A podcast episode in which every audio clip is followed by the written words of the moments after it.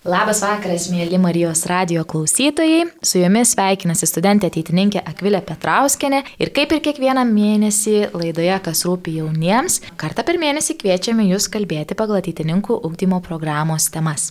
Žinom, kad jos yra įdomios, patrauklios ir aktualios kiekvienam jaunam žmogui, tad džiaugiamės galėdami dalinti savo atradimais, klausimais ir patyrimais. Šiandienos tema apie pilietiškumą. Kadangi visus metus kalbame ir kviečiame būti drąsiais meilę gyventi, tai šį mėnesį kalbame apie atsakingą veikimą bendruomenėje, o tai ir kyla iš pilietiškumo. Labai džiaugiuosi šiandien studijoje kartu su savimi matydama du jaunus veidus, labai patyrusius veidus ir turinčius įdomių tikrai pasidalinimų. Tai yra Agnevičkačkaitė, pradinių klasių mokytoja, Švento Tomo Moro klubo politologų pirmininkė, skautė, e, katedros jaunimo grupėje aktyviai veikianti. Tai tikrai žmogus, kuris apie bendruomenę ir aktyvų veikimą joje gali nemažai pasveikinti. Sveika, Agne. Labas, Akvilė. Ir kartu yra Alminas Sinevičius, karininkas, Lietuvos karo akademijos dėstytojas, šaulys ir ateitininkas. Labas, Alminai. Labas, Akvilė. Tai iš tikrųjų labai džiaugu, kad šiandien e, visai netyčia, bet labai simboliškai ir gražiai gavosi, kad turime ir ateitininkę, ir ateitininką šaulį, ir skautę, kas yra iš tikrųjų tokių trijų labai gražių ir, sakyčiau, um, ypač tarpu karių labai aktyviai pilietiškumo prasme veikusių organizacijų atstovai. Tai tas yra labai smagu ir džiugu, tikiu, kad mūsų kalboje galėsim pasidalinti šitų skirtingų organizacijų šiek tiek patirtimi ir veikla šioje srityje, kuri galbūt įkvėps ir jaunus žmonės arba atrasti savo kažkokią veiklos sritį arba mm, savo bendruomenėse kažkokių gerųjų praktikų atsinešti. Taigi, jei tik turėsite klausimų, labai jūsų lauksime. O dabar nerime į mūsų pokalbį apie pilietiškumą ir kągi tai reiškia būti pilietišku jaunam žmogui valstybėje šiandien. Taigi visų pirma, gal aš jūsų norėčiau kiekvieno paklausti, kas jums yra pilietiškumas ir kaip tai apibrėžiate savo. Agne, gal norėtum pradėti? Jo, tai aš e, šiandienos temą sužinojau gana neseniai, apie ką reikės kalbėti ir bandžiau jau savo šiek tiek apibriežti, kas man tas pilietiškumas. Pradėjau dar svarstyti ir apie patriotiškumą ir kaip kažkaip gal reikėtų atskirti tas dvi savokas. Ir pagalvojau, kad pilietiškumas pirmiausia tai yra apie suvokimą, kas esu, kokios mano vertybės ir kaip aš jas apginu savo aplinkoje. Kaip aš rūpinuosi tais dalykais, kurie man yra svarbus kaip aš išreiškiu save toje aplinkoje ir um, kaip aš veikiu ne tiek, kiek savo valstybėje, kiek būtent savo visokiose bendruomenėse, organizacijose ir um, tiesiog koks aš esu žmogus asmuo aplinkiniams. Ne tik pažįstamiems, bet ir tie, kurie kartu gyvena toje aplinkoje su manimi. Tai taip trumpai. Alminai, tavo santykių su pilietiškumu. Akvilė, nevadink manęs daugiau jaunų žmogų, aš jau pagal konstituciją nesu jaunas. Pilietiškumas. Tai tema tokia, dabar, va irgi, e, ką sakė, kad e, patriotiškumas tai jau, jau nelabai populiarus, netgi kartais savoka ir netgi kartais konotacija būna netgi labiau neigiama negu teigiama, jeigu tu čia esi patriotas. Na, čia jeigu žiūrėtumėt į tokias gal fašizmo šiek tiek liekanas, kas labai dažnai su radikalizmu. Su, su, su, su, su tą patinama, bet tai va, tas pilietiškumas yra iš tikrųjų dabar tarp jaunimo, aš manau, labiau populiaresnis žodis E, toks labiau keči, nu, jeigu galima čia anglicizmą naudoti, labiau e, patrauklus. Man asmeniškai pilietiškumas tai yra labai paprastai. E, tiesiog tu esi pilietiškas, jeigu tu gyveni tam tikrai valstybei, tu darai darbą, tu gerai darai savo darbą, tu esi, turi tam tikras pareigas kaip pilietis ir tu jas vykdai. Ne? Ten, rušiuoji, nuo, nuo, nuo šiukšlių rušiavimo iki gyny, savo valstybės e, ginkluoto ar neginkluoto e, pilietinio pasipriešinimo gynimo. Ne? Tai pas mus dar ta dažnai tokia skrajojanti frazė yra, kad na, pilietis tai yra pilis ir jėtis. Ne? Mes čia visi turim savo pilį, ne? šiuo atveju Lietuvą, organizaciją, šeimą, dar kažką. Ne? Ir mes kaip piliečiai turim turėti ir jėtis, kad ją apginti arba saugot. Bet, nu, ne viduramžiais gyvenam, tai tos pareigos piliečio mm, yra labai plačios ir įvairios. Tai nuo to, kad tu visų pirma turi būti aktyvus organizacijų narys. Ir čia galbūt e, paprieštaraučiau, nu čia reikia tokios dramos, ne pokalbė, paprieštaraučiau kolegiai, e, kad, e, nu tai klausykit, tos organizacijos E, mūsų darbovietės, bendruomenės įvairios, ne Tomo Moro klubas, ar ten karo akademijos bendruomenė, ar dar kažkas, tai jos visos kaip tam tikroji piramidė ar, ar piltuvėlėje jos sueina į tą Lietuvą. Ne? Tai, tai Lietuva ir yra, tai tas bendruomeniškumas, jeigu nebūtų to bendruomeniškumo, kuris ir yra, manau, vienas iš pagrindų pilietiškumo, tai, pavyzdžiui, tarpu karių nu, nebūtų tų tiek daug partizanų, nebūtų tų Šaulių sąjungos, ateitininkų federacijos, e, Lietuvos kautijos ir kitų organi krūvos organizacijų, burelių, e, ten gydytojų, visokių asociacijų ir panašiai nu, bendruomenių. Ne? Tai, tai, tai, va, tai ir yra pilietiškumas, kad Lietuva, kuo labiau yra pilietiška, kuo žmonės labiau vykdo savo pareigas, tuo mes e, esam visi, gyvenam geriau ir esam stipresni kaip, kaip valstybė, kaip, kaip bendruomenė, bet kas. Tai padedam vieni kitiems. Iš tikrųjų gerai čia palėtėt, kad yra daug frazių, kurios labai dažnai šitoje temoje yra suplakamos, sumaišomos ir, na, dažnai iš tikrųjų net ir neatskiriamos teisingai. Tai man čia norisi gal skirti kelis tokius terminus. Tai pilietiškumas, visuomeniškumas ir tautiškumas arba patriotiškumas, kurį galim kartais sakyti, ar ne. Tai aš visada bandau labai lingvistiškai aiškinti, priklausomai nuo žodžio labai tiesioginės reikšmės.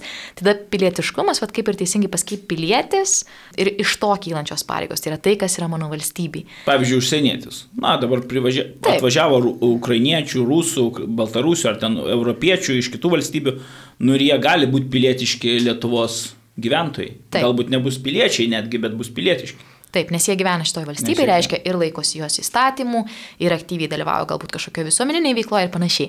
Tada tautiškumas jau na iš savo pavadinimo labiau sako, kad su tauta siejasi, ar ne? Tai tiek patriotiškumas, tiek tautiškumas yra labiau savo istorijos, galbūt toksai gerbimas e, simbolių, nors tai irgi pilietiškumo irgi savoka patenka ir panašiai. Ir visuomeniškumas jau tada tai, ką aš savo visuomeniai duodu. Nors visuomeniškumas irgi dažnai, aš sakyčiau, toks e, pilietiškumo netgi dalis galėtų būti, kur tautiškumas nebūtinai yra pilietiškumo e, sudėdamoji dalis, bet štai visuomeniškumas to kaip reikalauja, nes tu nelabai galėtum būti labai pilietiškas, jeigu nebūtum visuomeniškas, tai yra jeigu ne, nebūtum savo bendruomenės aktyvus e, veikėjas ir dalyvis. Alminai kaip tik užsiminė apie tokį istorinį laikotarpį, ar ne, visą tarpukarį ir panašiai. Ar šio laikinis žmogus įvairiose amžiaus grupėse gali būti pilietiškas taip, kad jam norėtųsi didžiuotis.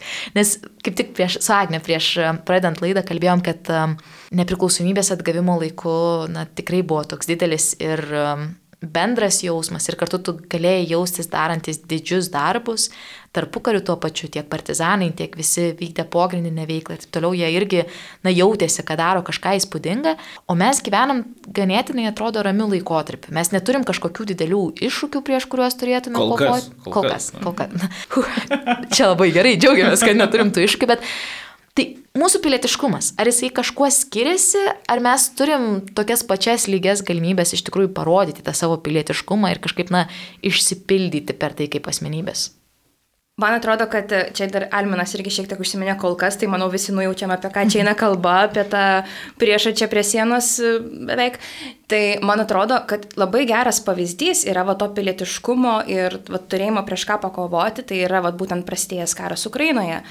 Kaip realiai nusukilo tauta, galbūt ne visi, po to buvo daug ir to pasipiktinimų žodžių ir žvilgsnių ir veiksmų, bet, e, na, kai tas karas prasidėjo, Tai prasidėjo daug visokiausių akcijų, kiek žmonės ėjo, vėliavas kėlė, buvo radarom, taip toliau ir panašiai.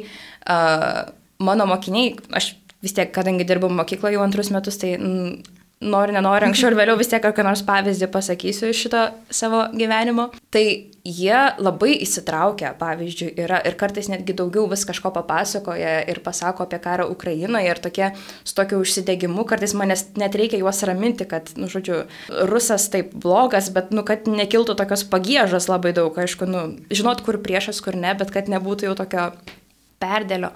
Tai dar kai tu paminėjai šitą temą, tai prisimenu tokią man labai patinkančią kaip frazę, tiksliai nepacituosiu, bet man atrodo, kad Alberas Kamiu yra pasakęs, kad na, mūsų kartos e, tokia kaip problema ir didžiausias sunkumas, kad mes neturime savo kovos. Ir tai yra nu, tiesiog labai, labai sunku būti dėl to, kad būtent kovos akivaizdoje, sunkumo akivaizdoje geriausiai gali išsigryninti savo identitetą.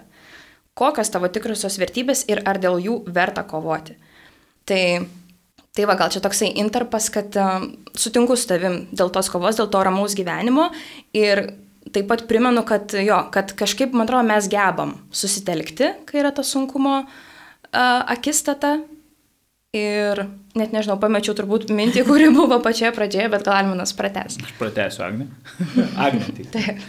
Tai taip, bet aš taip yra, kad čia tas buvo, vėlgi, reikia suvokti, kad šiuo metu, kaip niekada istorijoje nuo 90, nuo išsivadavimo iš Sovietų Sąjungos, mes negyvenome e, krizių arba tokių laikotarpių. Nes dabar pas mus eina iš eilės e, pandemija, COVID, kur visiems yra lockdownai ir čia kažkas neįprasto ir tu turi keisti savo gyvenimo būdą. E, ir visą aš pats atsimenu, savanoriavau savo ligoninėse ir ten kroviau tos lavonus. Nu ir tikrai tai yra, tai yra toksai paskatinantis tave pilietiškai e, veikti dalykas. Tada buvo pabėgėlių krizė, dabar turim karą regione. Vėlgi, tada atplūsta na, krūva žmonių, kurie bėga nuo karo ir jais reikia irgi pasirūpinti, ne, na, kaip, kaip Kristus mus visus mokė. Ir, ir tu supranti, kad dabar atsirado tavi, va, daug, daug blogio ir tu turi, nu, arba iššūkių ir tu turi su to kovoti. Tu turi aukoti pinigus, tu turi galbūt le, savo laisvą laiką po darbo kažkur savanoriauti, kad, kad prisidėtum prie to, to bendro na, problemos sprendimo ir, ir gėrio, gėrio skleidimo. E, kita vertus, iki pandemijos e, taip mes gyvenom taikiai, bet e, gražiai, ramiai, be jokių problemų, bet tu turbūt asmeniškai, jeigu, na, tikrai galima surasti tą tokį kovą vidinę arba tikslų siekimą, bendromeniško tikslo kažkokio siekimą, nežinau, projektų savo kelimą ir būti pilietišku. Tai čia vėlgi, taip mes neturėjom prieš ką kovoti ir kaip ten, kai mūsų, mūsų ten tėvai, ten mano pavyzdžiui, ten tėvas trimtinys, tai ne, ten, nu, tai ten tų kovų buvo daugiau ir to išgyvenimo, realaus išgyvenimo. E, dabar mes to neturim, bet e, tikrai, na, reikia, reikia rasti, galima rasti, manau, tą pilietį savyje, pilietišką pilietį savyje ir nesant kažkokiam kritiniam momentui. Man atrodo, tam labai padeda ir jaunimo organizacijos, kuriuose mes esame, ar ne, nes a, ypač prasidėjus karui Ukrainoje buvo matomi rekordiški naujų šaulių a, narių sąrašai, ar ne, kur tiek daug žmonių norėjo tapti šaulių sąjungos nariais, tam, kad būtų pasiruošę esant poreikiu kažkaip ginti savo valstybę ir panašiai. Skautie taip pat labai daug prisidėjo tiek pabėgėlių organizuojant pagalbą ir panašiai. Jeigu dabar klauso jaunas žmogus, kuris neįsivaizduoja, kaip jam save išpildyti, kaip patartumėt jam atrasti, kuri bendruomenė padėtų jam ugdytis tą savo pilietiškumą, samoningumą didesnį, ar ne, ir, na, iš tikrųjų atrasti galbūt šiek tiek tą savo uh, vietą pasaulyje arba kaip prisidėti prie tų didingesnių tikslų. Tai jo, aš jau jaučiuosi tokia visai organizacijų ekspertė.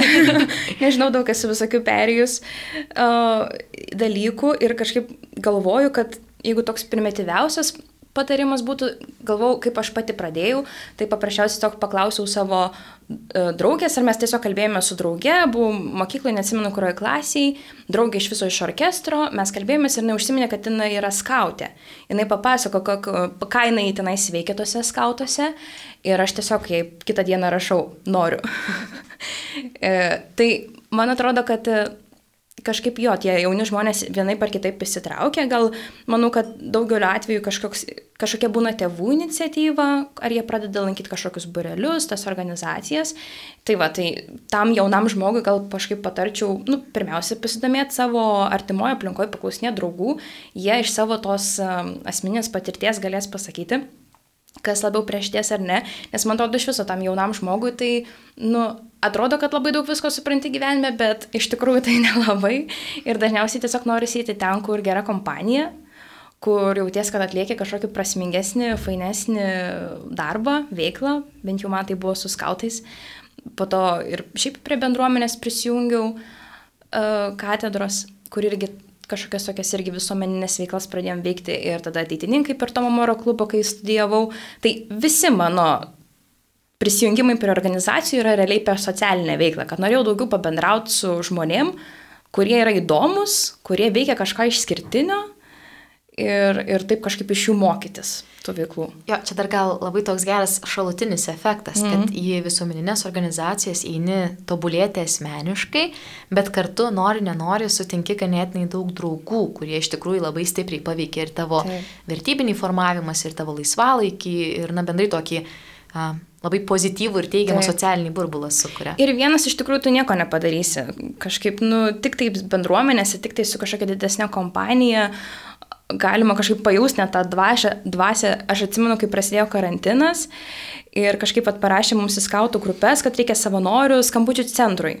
Mm, ten buvo toksai numeris, tiksliai neatsimenu, bet keturių žodžių skaičių numeris, ten gali paskambinti, jeigu esi e, senas žmogus ar tiesiog sunku, nenori eiti į lauką ir kad padėtų apsipirkti, žodžiu, ten tokia visa buvo sukurti stiprus kartu, po to ir kaip organizacija atsirado, tai aš pačioj pačioj pradžioj dar veikiau kai dar nebuvo nieko oficialaus, ten Jekilaitis, man atrodo, organizavo. Ir aš atsimenu, atvažiuoju į tą centrą, nelabai supranti, kas vyksta, ką darai, ten tų atvejų nedaug, bet žmonės jau labai išsigandę buvo ir kažkaip sėdi toj kompanijoje, visų skautų, visi su kaklarišiais, tais skambučiais ir atrodo, nu, tokį prasmingą ir didelį darbą darai.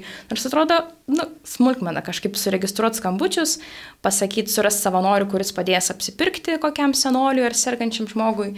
Bet, nu, va, tas toksai vienybės jausmas, nu, jis kažkaip labai įkvepia. Tai va. Tai pritarčiau iš tikrųjų to kvilę pavogį net mano mintį, kad, kad taip, tai yra, visų pirma, tai yra, na, ta bendruomenė arba tas draugų ratas, arba tai, kas tampa tavo draugais atėjusi organizacija, tai jis turi būti tau šiltas, tau mielas, tau būt, turi būti gera ten būti. E, tai čia, manau, kiekvienoje organizacijoje, didelėje arba netgi mažoje organizacijoje yra tas, tas dalykas, jeigu, tau, nu, jeigu žmogui nepatinka ten būti, tai jis išeina, jis, arba jis tiesiog ne, ne, neprisitvirtina prie tos organizacijos. E, kitas dalykas, tai kokios vertybės yra organizacijos, arba ką, kokie tikslai veikimo, principai. Ne? Tai jeigu tau, tau yra nesvetimas e, tikėjimas viešpačiu, tai na, ateitininkai yra ta puikiausia vieta, kur tu pritapsi. Ir man tai buvo studijų laikais, aš, aš moksleivių ateitininkų nebuvau, aš tik studentų prisijungiau. Ir, ir vėlgi, tu pamatai, kad tai yra nuostabų žmonės, to ir ten ateitininkų federacijoje ir tu, tu pritampi prie jos ir tu tampi to dalimi. Lygiai taip pat, manau, su skautais, kiek aš bendrauju ir turiu draugų skautų ir man daug kas sako, tai kodėl tu dar neskautas, sakau, kad jau, jau bus per vieną daug. Vieną įžodį, vieną įžodį pasirinkti. bus labai daug jau, ateitininkai skautai šauliai. Kita vertus, pagalvojus, skautų ir ateitininkų ir šaulių įkūrėjų yra labai, na ir tokių bendraminčių ir netgi kai kuriais atvejais sutampa asmenybės, kurios, žinai, tėvais savo organizacijų vadiname, tik tai e, jos visada labai išskiria, kad visos trys organizacijos turi gan skirtingą savo pašaukimą. Visos jos yra nukreiptos į valstybės gerovę, valstybės kūrimą, bet turi šiek tiek skirtingą prizmę, per kurią tai daro. Gal mes galėtume kaip tik tas skirtingas prizmės šiek tiek ir paplėtoti, nes tikrai mus klauso nemažai jaunų žmonių ir daugeliu iš jūs tikriausiai šios organizacijos bus girdėtos, bet tiksliai apie jų veiklą klausimas, ar, ar labai ir žinotų. Tai Šaulių sąjunga, ar tai galėtum? Tai, kodėl aš prisijungiau mokykloje dar prie Šaulių, tai, nu, Tai tiesiog faina su uniforma bėgioti po mišką ir ten žais karą. Nu taip, supaprastintai jaunimui, nu taip yra. Ten reikiuotė, čia tu turi uniformą, tu prižiūri, atsakomybė tau kažkokia ūkdoma, tam tikra, ne. Ir, ir tai, tai yra, nu, tai žavi kartai dažnai jauną žmogų. Ir aišku, mano Šaulių sąjunga, kaip jau dabar matome, e, tapo profesinio orientavimo organizacija kartu, prie visos bendruomenės, prie visų gerų darbų. Ir aš esu nuo 2004 metų turbūt šaulys, tai čia jau, jau, to, to jau jubiliejus. ateitininkų esu mažiau. Bet, bet tai tikrai, manau, tas vat žavė, nu tai vėlgi, tai vėl tas, kad tu su ginklu ginsi tėvynę. Ne? Tai va, šitas... Bet šauliai ne tik ginkluotą pasipriešimą, turi, ten turi savo visas tas atskiras visokių, šakas. visokių taip šakų, dabar ypač, kaip ir va, Agnes sakė, po, po karo labai tas galima sakyti, militarizavimas kažkiek Šaulių sąjungos vyko, bet tai vėlgi tai natūralus procesas, kaip ir tarpu karių irgi Šaulių sąjunga buvo inkorporuota prieš pat jau okupaciją į, į, į kariuomenės sudėtį. Tai, tai tų, na, veiklų ten yra pilna, tu gali, vėlgi, tas pats tie patys savanoriavimai, ligoninėse, pasienyje, kitur, e, tu prisidedi ne tik save ugdai kaip karį arba kaip kovotoją, gal ne, ne karį, nes nesi kariuomenės dalis, bet kaip kovotoją, kuris apsaugo savo šeimą esant reikalų ir, ir panašiai, ir kartu tu prisidedi prie visuomeninių veiklų įvairių. Tai, tai ir tas toksai, ir suprantat, ir va tos organizacijos, aš manau, ne tik mūsų trijų, tos trys didžiosios istorinės e, organizacijos, bet ir kitos jos formuoja tam tikrą va, tokį pilietiškų žmonių uh, didelį skaičių, kuris, esant reikalui, padeda valstybės institucijoms, kai jos nepaveža savo, savo uh, funkcijų. Ir tikrai, vat, ką kaip tik ir Agnė minėjo su skambučių centro ta pradinė idėja, ar ne, valstybei sukurti funkcionuojantį aparatą, užtikrinti, kad jisai veiktų, vien dėl biurokratinių dalykų, dėl visokių teisinių dalykų ir panašiai užtruktų žymiai ilgiau negu paprastai asmenų kažkokiai iniciatyvai. O kai tie asmenys dar turi organizacijos kažkokį pagrindą, struktūrą, tai tampa dar lengviau ir greičiau ir efektyviau įvykdoma.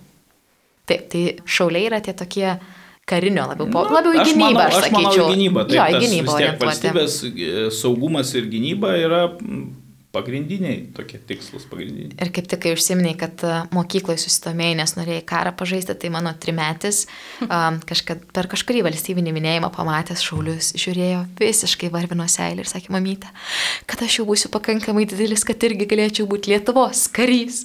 Nes jam taip sužavėjo mm. tai, kad tai buvo būrys, jie visi tokie pasitempę, uh, su savo uniformoms, žygiuojantis ir visa kita. Tai jį tai visiškai sužavėjo, nurovė stogą, žodžiu, Auginu jums du būsimus narius. Super.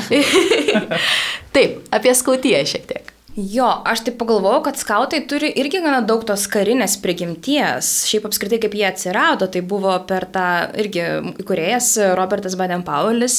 E, jisai. Karininkas, beje. Taip, labai rimtas karininkas, dalyvavo mūšyje, vadovavo turbūt jam ir, ir pamatė bėgiojančių berniukų daug, kurie neturi galbūt ką veikti, neturi veiklos ir galėtų labai pasitarnauti tokiuose užduotise, kaip kažkur gal nubėgti pasiklausyti slaptų pokalbių ar ten kur nors pralysti pro tvorą ir iš esmės panaudojo juos tam tikslui, nes angliškai scout ir yra tas žvalgas. Tokie, žodžiu, nekalti vaikėzai, kurie gali karo tikslams pasitarnauti. Na ir po to grįžęs į, į Angliją, Jisai jau įkūrė pačią tą skautų organizaciją pradžiai tik berniukams, vėliau su žmonos pagalba ir mergaitės įtraukė. tai ačiū. Labai teigiamas. Teigiama įtaka. Tai va, tai nu, tokia pirminė idėja irgi šiek tiek kariška. Dabar, kaip jau išsivystė, tai iš viso Lietuvoje, tai yra ir pasaulyje, tai be galo daug tų atšakų, organizacijų, sričių. Vien Lietuvoje yra dvi didelės tokios kaip organizacijos, tai yra Lietuvos skautija ir Lietuvos skautų sąjunga. Ir ten dar iš jų dar daugiau išplaukė Europos Jūrų skautai. Jo, jo, tai, tai pasirinkimas šiaip kartais netgi per daug didelis, jo, painus didelis, nes kiekviena dar ta organizacija ar organizacijėlė turi savo kažkokį tai charizmą mm, bruožą, ką labiau atkreipia dėmesį. Jo, pavyzdžiui, Europos skautai tai daugiau e, to katalikiškumo turi, bažnyčios veiklos. Mm. Pavyzdžiui, žinau, Lietuvos skautų sąjungoje yra pilies tuntas, kuris e, daugiau kaip tik iš viso ten jie praktiškai visų uniformom vaikšto visą laiką, turi tas, kaip, žodžiu, kariškas tokias, Uniforma. jo, uniformas Švarkus. iš viso, jo. Tai va, o pavyzdžiui, Lietuvos skautyje, tai tampa labai didelė prasme, bent jau, va irgi to, iki to paties karo Ukrainoje arba pandemijos krizės, buvo tokia šiek tiek į komerciją nueinanti, kad tiesiog smagus pasibuvimas miške, išmokimas kažkokių tai įgūdžių reikalingų išgyvenimui miške arba šiaip gamtoje, bet bendrai paėmus, ką organizacija daro nuo pat įkūrimo, tai vad kažkaip bando išnaudoti augančių žmogų, žmonių laiką, auginant atsakomybę man atrodo. Ir jo, ir gal per tai tas ir pats pilietiškumas labai stipriai ateina, nes va, ir tas pats šūkis yra tarnauti Dievui, tėviniai, artimui. Na tai ten tų interpretacijų, kaip sakiau, yra įvairių, bet tai taip tiesiog nurodo žmogui krypti. Tos su, sudeda pagrindinius taškus, kur reikia būti, kam tarnauti ir, ir kam skirti savo laiką. Tai va, gal čia toks skautų vaizdinys maždaug. Taip, iš tikrųjų mes, kai e, ateitininkijos viduje kalbam apie tris organizacijas, tai šauliai turi labai tokį, aišku, karinį labiau, mm. gynybos aspektą, tada apie skautus, kai kalbam ir netgi kai valstybės lygmenių buvo kalbama apie šitų organizacijų pasitelkimą gynybos tikslais ir panašiai, tai buvo labai daug apie tą pilietinio pasipriešinimo, kad skautai yra labai stiprus, kai reikia sutelkti visuomenę, kažkur padėti esant Taip. krizinėms situacijoms ir panašiai. O ateitininkai ir dar iš tarpukario turi tokį labai diplomatinį aspektą, kad e, daug ateitininkijos narių buvo arba kažkokie diplomatijos atstovai, arba filosofai, mm. tokie inteligentyje, inteligentiškas katalikiškas jaunimas, kuris labai daug vykdė ir užsienyje veiklos per atstovavimą, lėšų pritraukimą, paramos pritraukimą ir panašiai. Ir na, per tokį grinai irgi informacinį gal labiau mm. aspektą, kad per tą inteligentijos uh, aspektą bando labiau, labiau teisinius, politinius ir panašius dalykus spręsti ir ypač nešti juos į užsienį. Damas, aš turiu du klausimus. Taip. Susijusius su šitą paskutinę mūsų temą. Tai pirmas, kaip galvojat, koks didžiausias yra iššūkis mūsų organizacijoms ir apskritai nevyriausybinėms organizacijoms? Mums asmeniškai ateitininkams yra šiek tiek sunku su ugdytojų pritraukimu rajo, regionuose. Nes kadangi pas mus didžiąją ugdymo dalį atlieka studentiško amžiaus jaunimas, nes mes neturim tas sąjungas jaunučiai, moksleiviai, se, e, studentai ir sendraugiai, ir pagrindinę e, jaunučių moksleivių ugdymo veiklą atlieka studentai, bent jau didmešiuose, tai tada gaunasi labai sunku regionuose užtikrinti prieinamumą organizacijos. Nes regionuose arba mokytojai to imasi, bet dabar dažnai jie yra tiesiog labai pervargę, arba tada lieka kuopos, kurios neranda globėjų. Aš tik, nu, Agne. Nu, tai aš norėjau irgi atsakyti. Atsakyk, prašau, prašau, prašau. ne, aš jau nuo skautų, taip, sakykime, jaučiuosi atsiribojus, taip jau aktyviai gal prieš metus skautavau, bet aš šiaip tokią bendrą jaunimo problemą matau, kad labai trūksta tokio gal kaip atsakomybės ir įsipareigojimo jausmo apskritai. Ilgalaikio įsipareigojimo. Būtent, nes daug kas kažkur mm -hmm. važiuoja būna dėl malonumo, grinai vien tik tas vat, draugų socialinės veiklos pasilieka lygmenyje Ir šiaip pasiūlos veiklų tai yra be galo daug iš tikrųjų. Aš kurį laiką dirbau stovyklose vasarą e, su įvairiom organizacijom ir visa kita ir tiek daug to pasirinkimo šiaip vat, veiklų, organizacijų, kur tu nori būti ir mokamai, ir nemokamai. Ir tiesiog gal nu, per daug tam jaunam žmogui yra. Ir, iš, iš tikrųjų, tarpu karių tai tiekgi nebuvo Taip, veiklų. Visiškai tiek nebuvo.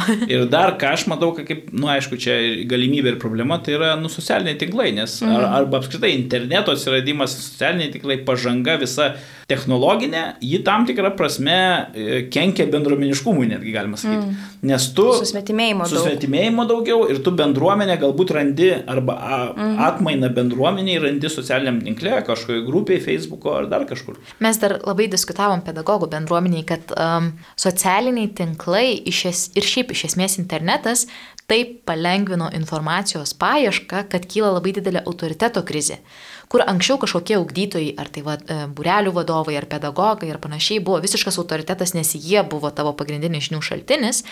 Tai dabar tu mm. dviejų mygtukų paspaudimu gali pasakyti visas klaidas, kurias tavo mokytojas pasakė, sumaišęs kažkokį ten skaičių ar dar kažką. Tai tas irgi šiek tiek, man atrodo, tikrai va, interneto taip, socialiniai taip. tinklai duoda tą savo tokį uh, smūgį į paširdžią šiek tiek organizacijoms.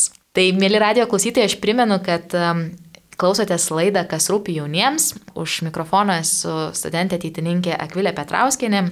Su manimi kartu Agne Vičkačkaitė, Švento Tomo Moro klubo politologų pirmininkė, pradinių klasių mokytoja, skautė, katedros jaunimo grupės narė ir Alminas Sinevičius, karininkas Lietuvos karo akademijos dėstytojas, šaulys ir ateitininkas.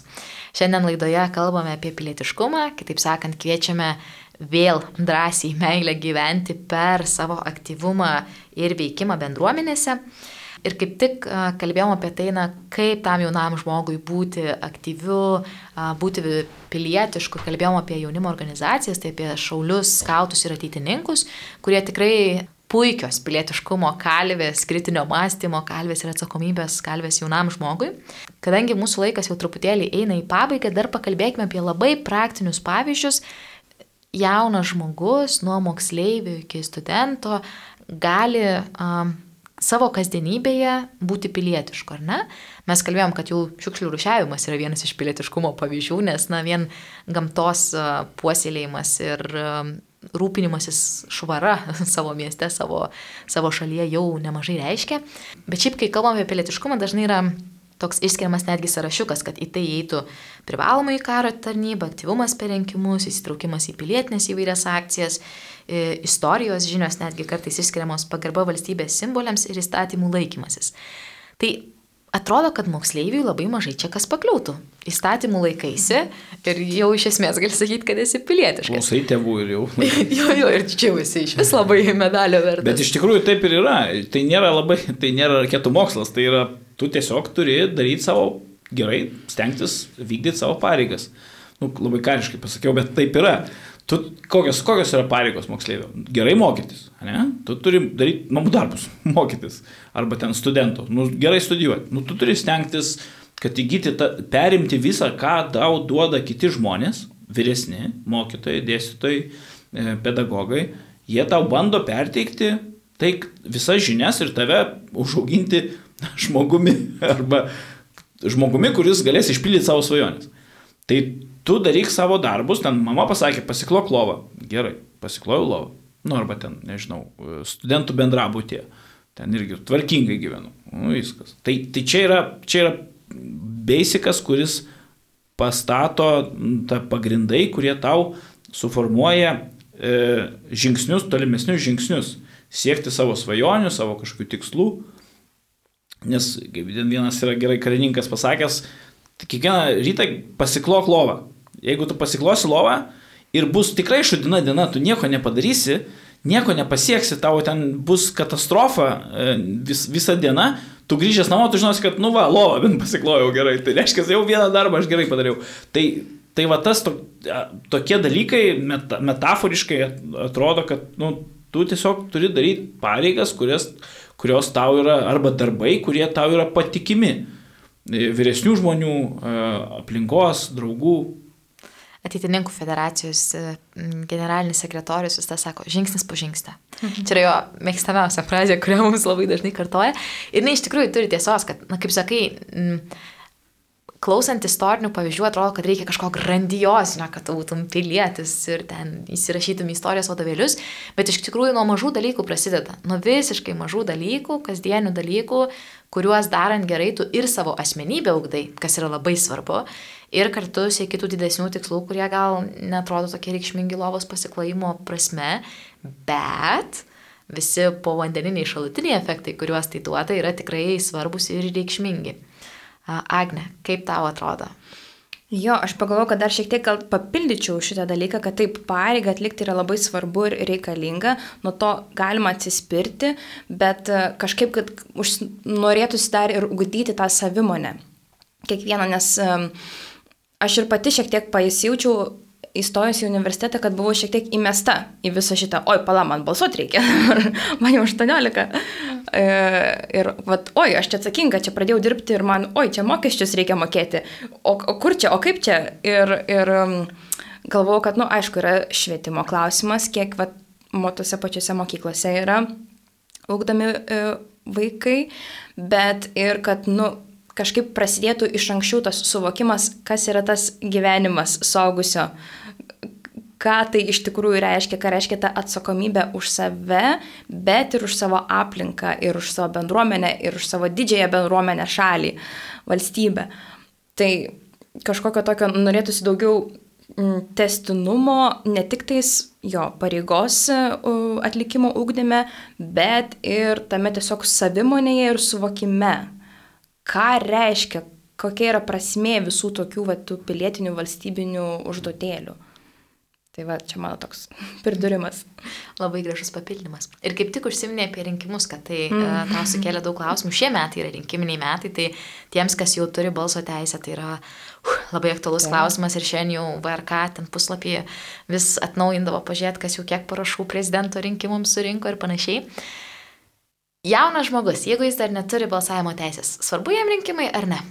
Nes kaip tik dabar dar vyksta ir iniciatyva dėl balsavimo nuo 16 metų. Mhm. Lietuvos jaunimo organizacijų taryba renka parašus konstitucijos pataisoms, kad e, savivaldybių lygmens rinkimuose galėtų balsuoti jauni žmonės ir nuo 16 metų. Tai tas dalyvavimas rinkimuose, ar ne? Jaunimo matom aktyvumas yra ganėtinai žemas kiek tai yra svarbu ir kai dar neturi rinkimo e, teisės dalyvauti, rink, e, balsuoti rinkimuose. Ar tu jau turėtum kažkiek domėtis, ar čia dar nereikia skubėti šitais klausimais, o gal kaip tik turėtum būti tas, kuris pušina savo šeimą eiti ir balsuoti? Aš manau, kad tu taip, tikrai jaunas žmogus turi būti aktyvus ir jis turi domėtis.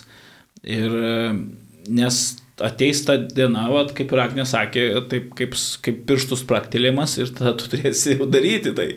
Tai jeigu tu tam pasiruoši, jeigu tu, na, domėsiesi kažkokiam politiniam e, jėgom, partijom, ten sąrašais, prezidentais, gali, nu, kandidatais į, į prezidentus, Europos parlamento narius, tai tu, aišku, tu šviesi save ir kai ateis ta diena, kai ta, tau bus sutikta teisė, o dabar jeigu va, dar priims, kad nuo 16, Tai, na, tu turi būti jau sąmoningas, kad tu sprendi, tu sprendi aukščiausio lygio dalyką, kas valdys tavo valstybę. Žinai, pusė žmonių pasakytų, Sako, kad, o, čia nesąmonė ir čia, čia nieko ne, vienas balsas vienas nieko balsas. nesprendžia. Juokas juokais, aš esu iš Utenos originaliai ir mes turėjome rinkimus, kur meras laimėjo e, ne meras, į Seimą kandidatas laimėjo keturių balsų skirtumą. Buvo perskaičiuota daugelį, daugelį kartų, bet va ten buvo toks, kur, aha, matot, ką reiškia balsuoti, vienas balsas daug lemia. Nes realiai, kas yra keturi balsai, tai yra dvi šeimos. Nu, viena šeima, jeigu turi pilnamečių vaikų, tai čia nu, tikrai toks labai labai mažas skirtumas. Tai va, tai reikia, niekada nereikia nuvertinti savęs, kad tu nieko negali, nieko tu nesprendi ir čia maždaug, na, kažkas kitas ten, valdžia nuspręs. Mhm. Nu tai jau mes e, senai išsilaisvinom iš tų, tų grandinių, e, pančių tų, kur kažkas sprendžia už tave, tavo valstybės ar tavo šeimos, tavo bendruomenės likimą. Tai, tai aišku, kad ten nereikia perversmų daryti organizacijose ir kitur, bet, bet nu, nu, elementariai tu gali išsakyti savo nuomonę, tu gali na, argumentuoti kažkokią, tarkim, mes irgi, pavyzdžiui, mano šeimoje turbūt mano visa šeima balsuoja už skirtingus žmonės, irgi. partijas. Tai faktas, kad mes ten prie stalo neliečiam tų temų, bet tu visą laiką padiskutuoji, pagarbiai, ne, neįžeisdamas ir, ir, ir, ten, ir nieks ten nepyksta už tai, kad tu turi ten savo nuomonę. Ir, ir tai yra gerai. Na, tai, tai yra demokratijos pamatas, kad mes turim savo nuomonę kiekvienas ir, Mm. Taip ir sako, jeigu nori susipykti prie giminės stalo, tai kalbėkis apie politiką. Taip, visą laiką. Jeigu mes tik pradedam, tai visą laiką, o dabar buvo mamos gimtadienis. Tai irgi, tai jau paskui visi jau ryšam, ryšam, ryšam. Pas mus kažkaip nesusipykstam dėl politikos, bet tikrai balsuojam irgi už labai skirtingus, nes kad ir po vienu stogo augam, gyvenam, kažkaip labai turim skirtingas politinės pažiūras ir tai didelė prasme ateina iš patirties jaunimo organizacijose, kas yra uh, tiesiog irgi, na, uh, davė daug e, poveikio, kai teko dar ir savo miesto lygmenių dalyvauti apskaitojo stalo veikloje. Ir tada labai... Lygiotė tada, ne? Lygiotė tada, taip, buvom daug susitikę po to ateitininkų sąjungą ir panašiai. Tai iš tikrųjų nu, buvo daug tokių skirtingų lygmenių, kur tu kaip jaunas žmogus, moksleivis būdamas, tu eini į savivaldybę ir derinėsi švietimo klausimus, nes savivaldybė skiria pagrindinį finansavimą mokykloms ir tu derinėsi, kas moksleiviams yra aktualu. Tai iš tikrųjų, nu tie dalykai, kad netgi neturėdamas balso teisės, nereiškia, kad tu neturi įtakos politikų sprendimams primamiems. Ką pavyzdžiui puikiai rodo ir Gretos Thunberg pavyzdys, kur jaunas žmogus tikrai dar neturintis balsavimo teisės ir dar negreit ją įgysintis, bet matantis, kad jo ateičiai tai yra labai svarbu, organizuoja visuomeninės pilietinės iniciatyvas ir skatina kitus jaunus žmonės dalyvauti procesuose, net kol jie neturi balso teisės. Mhm. Aš jau gal tik pridurčiau, kad nu, tas domėjimasis labai svarbu, mokymasis. Tai ką kiekvienas jaunas žmogus mokinys ir gali padaryti, tai pirmiausia mokytis, nes na, ta politinė sistema, kaip veikia Lietuvos valstybė, tai yra iš tikrųjų sudėtinga, kompleksiška, o ypač dar jeigu pasižiūrėti į Europos Sąjungą, tai iš viso nu, labai daug dalykų vyksta ir, ir aš studijuoju politikos mokslus, bet ir pati kartais ne viską suprantu, nes kiekvienas rytis turi dar savo kažkokių papildomų tų funkcijų. Tai Mm, nu, tiesiog kažkaip e, po truputėlį, kaip sakai, žingsnis po žingsnio žiūrėti, domėtis, aha, kas tie rinkimai, kas tas kandidatas, kas čia tas balsas, kaip čia balsuoti, nu, va, kažkokį tokį testinumą, pasiruošimą, kad vat, nebūtų to kažkokio įsimetimo. Jo, ir aš sakyčiau, kad e, vat kaip tik kalbėjom apie tai, kaip yra svarbu mokytis ir ugdyti savo asmenybę, tai netgi rinkiminių procesų stebėjimas turi labai platų e, kitų kompetencijų ugdymą. Pavyzdžiui, aš esu mačiusi pedagogų, kurie savo mokiniams per viešojo kalbėjimo pamokas duoda analizuoti politikų debatus kad išmoktum, kaip diskutuoti, kad jie patys mm. išvelgtų, kur yra klaidos, kur netinkamai yra oponuojama, kur ten, pavyzdžiui, einama ad hoc vietoj uh, atsakymo į klausimą ir panašiai. Nu, tokių labai įdomių aspektų, kur va čia ir mokytojų įdomus pasirinkimas yra, Taip. kad jie, žinai, paima tokį labai praktinį dalyką, kuris bus svarbus moksleiviams vėliau, juk jie turės balsavimo teisę ir panašiai, ir padeda iš to pastryti tokį ir visuomeniškumo, labiau pilietiškumo mm. pamoką. Gerai, tai jau pačiai, pačiai pabaigai kiekvienam klausančiam jaunam žmogui ar tėčiui, mamai, močiutei, seneliui, ugdytojui, artėja kovo 11. Ką kiekvienas galime padaryti, kaip galime paminėti šitą šventę, kad būtume ir pilietiški, ir kažką malonaus širdį šildančio, meilę savo šaliai primenančio patirtume. Čia trumpai atsakyti? tai, Laisvė. Taip, aš dabar iš tikrųjų pareklamuosiu vieną renginį. Labai gerai.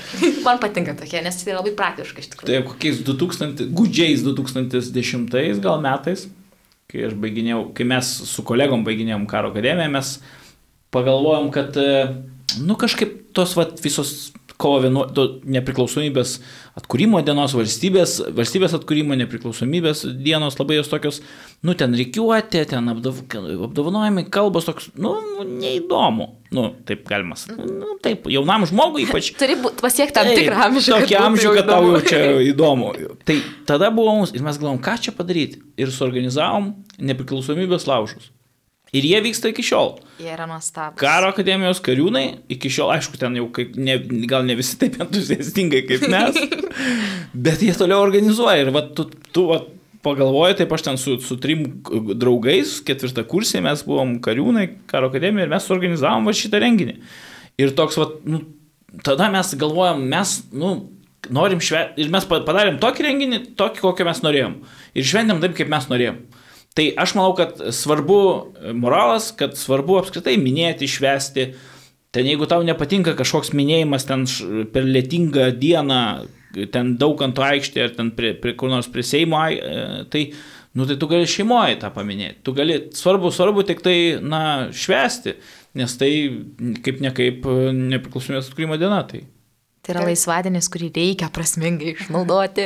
Jo, kaip tik norėjau paminėti, kad, kad tai nevirsų tik tais laisvadieniu. Ir šiaip labai ačiū už tos laužus. Mano kaip tik irgi buvo pasiūlymas, kad kažkaip eiti eit į miestą, būti tarp žmonių, nes, nu, va, tas labiausiai kažkaip ir sužavė ir įkvėpė. Ir tada supranti, kad, o, čia kažkokį mes turim visi vieną bendrą jungiantį dalyką. Vat, nu, kas šalikėlį trispalvės užsideda, kas kokį tai sagutę įsisega. Ir, nu, staiga toks, nu, tikrai pasijauti, kad bendruomenės dalis esi. Ir man dar, man dar smagu, kad e, ir užsieniečiai Lietuvoje gyvenantis irgi švenčia. Mm. Aš atsimenu, įlipu autobusą, kažkuria čia kovo 11-ąją važiuoju ir įlipa moteris su vėliavėlė ir nu, su savo vaiku rusiškai kalba. Mm. Nu, va, ir aš ten nežinau, ar jie tie mūsų Lietuvos rusai, ar jie ten atvykę galbūt iš kažkur, bet, nu, va, jie švenčia, jie buvo minėjime, ten važiuoja namo. Nu, ir, ir mėla, nu, tai yra, kad tai yra visų, visų Lietuvos piliečių šventė. Paminėjot laužus, tie ateitininkai dievina tuos laužus, visada prie jų sustinka, nes, pavyzdžiui, ateitininkų stiprybė ir toks labai jungiantis dalykas yra liaudies dainos, kurias be proto mėgsta dainuoti. Tai laužai yra ta vieta, kur tikrai dažnai labai susibūrėme vien tam, kad galėtume padainuoti tas liaudies dainas. Ir mūsų moksleiviai savo renginiuose labai mėgsta, visada turi kažkokias pertraukėlės, per kurias turi tuos užvedančius dainas, mokosi kažkokių naujų liaudies dainų ir panašiai. Tai tikrai e, manau, kad susimojuosime ir prie laužų. Um, Ir labai buvo gražus palinkėjimas, kad susikurkite šventes, jeigu nepatinka tos, kurios yra organizuojamos. Mes su savo šeima irgi labai mėgstam arba į žygius eiti, arba prie laužų, tai visą laiką pasternam tiek nuo oro, tiek nuo bendrai to tokio nuovargio, bet visada norisi kažką tokio, na tikrai pasidaryti, paminėti ir ypač, pavyzdžiui, turint šeimoje vaikų, tai yra labai svarbu jiems parodyti. Ugdymui. Taip, taip, jiems irgi jau eilė raštukas mokosi tvarkingai, jau vėliavas kelia ir, ir tikrai gražus tie pavyzdžiai. Tai labai ačiū Jums šiandien už pokalbį. Ką tik girdėjote laidą, kas rūpi jauniems, kurią kartą per mėnesį veda ateitininkai pagal savo ugdymo programą Drąsus meilė gyventi. Šį mėnesį kalbėjom apie pilietiškumą ir, na nežinau, ar galėjau geresnių pašnekovų Jums šiandien uh, pasiūlyti, nes girdėjote labai skirtingų trijų organizacijų ir šiaip asmeninių patirčių tokių a, pasidalinimus. Tai su manimi kartu buvo Agne Vičkačkaitė, pradinių klasių mokytoja, Švento Tomo Moro klubo politologų pirmininkė, skautė, katedros jaunimas grupėje aktyviai veikianti ir kartu savo balsu džiuginanti Choreo Doramus ir Alminas Sinevičius, karininkas Lietuvos karo akademijos dėstytojas, šaulys ir ateitininkas. Jei nespėjote išgirsti visos laidos, jos įrašą galite išgirsti, paklausyti Marijos radio internetinėme puslapyje. Taip pat kviečiu sekti naujienas ateitininkų federacijos Facebook puslapyje. Kitą savaitę antradienį 8 val. tiesiogiai kalbėsime teisingumo kurso tema. Tai labai kviečiu, anonsuoju įsijungti. Praeitą kartą kalbėjom apie kanibalizmo atvejus tam, kad išgyventume. Tai buvo tikrai įdomi ir intriguojanti tema. Šį kartą laida vyks gyvai, tad diskusijose ir balsavimuose galėsite dalyvauti ir jūs. O šiandien jau atsisveikiname ir linkėdami uh, praktiško kažkokio veikimo, kviečiame pagalvoti, kaip švęsti kovo 11. Ir jeigu dar nesat atradę, kur yra ta jūsų pilietiškumo kalvė, Tai drąsiai pasižiūrėkite Lietuvos Šaulių sąjungos puslapį, Lietuvos skautijos puslapį ar ateitininkų federacijos puslapį. Tai yra trys didžiulės istorinės organizacijos turinčios tiek istorinį, tiek veiklos didžiulį bagažą, kuris tikrai gali tapti jūsų didžiuliu atradimu tiek bendruomenės, tiek jūsų kaip asmenybės augimo kelionėje. Ačiū, kad klausėte ir iki susitikimo kitose laidose.